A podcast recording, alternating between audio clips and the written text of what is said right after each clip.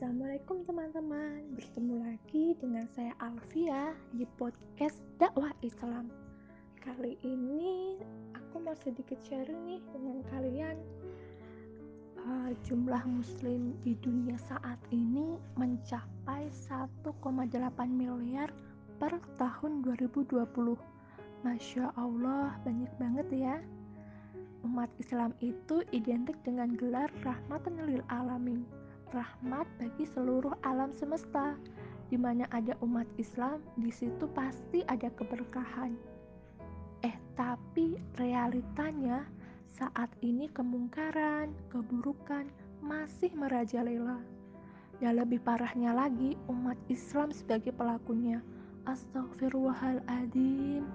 Sebenarnya umat saat ini kenapa ya? Ada yang tahu nggak sih? Coba komen di bawah ya umat saat ini terpuruk karena meninggalkan Al-Quran dan As-Sunnah sebagai pedoman hidup. Mereka terlena dengan kehidupan duniawi yang semu. Umat saat ini menganggap kalau Islam hanyalah aktivitas ibadah ritual saja. Padahal Islam sendiri mengatur kita dari bangun tidur sampai bangun negara merajalelanya kerusakan hari ini diperparah oleh sistem yang mengatur kehidupan negeri ini, yakni sekuler kapitalis, yang mana paham ini memisahkan agama dengan kehidupan. Pandangan hidup kapitalisme memandang tujuan hidup manusia di dunia untuk mencari keuntungan materi sebesar-besarnya. Gara-gara pandangan yang salah tentang kehidupan ini, Sistem-sistem yang lahir dari ideologi kapitalisme membuat hidup kita semakin susah. Kriminalitas merajalela karena sanksi yang diberikan itu nggak tegas. Kemudian free sex juga meningkat karena hubungan pria dan wanita itu nggak diatur. Serta pendidikan yang semakin mahal karena dikomersilkan.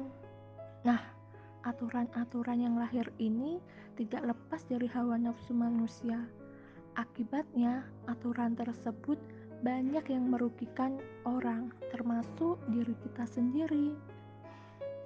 Sedangkan aturan dari Allah diabaikan. Padahal Islam memandang tujuan hidup manusia di dunia cuma beribadah kepada Allah. Melihat kenyataan yang rusak ini gak mungkin kan kalau kita berdiam diri saja. Allah berfirman yang artinya dan peliharalah dirimu dari siksaan yang tidak hanya menimpa orang-orang yang zolim saja di antara kamu. Ketahuilah bahwa Allah sangat keras siksanya. Quran Surat Al-Anfal ayat 25 Oleh karena itu, kita butuh aktivitas amal ma'ruf nahi mungkar aktivitas dakwah. Dakwah inilah yang akan mengembalikan seluruh ajaran Islam sebagai landasan hidup hingga landasan bernegara. Seperti yang dicontohkan oleh Rasulullah dan salafus soleh. Jika kita meninggalkan aktivitas dakwah, maka bukan syariat Islam yang tegak, justru hukum jahiliyahlah yang merajai kita. Bukan rahmat yang didapat, tetapi fasad yang dihasilkan.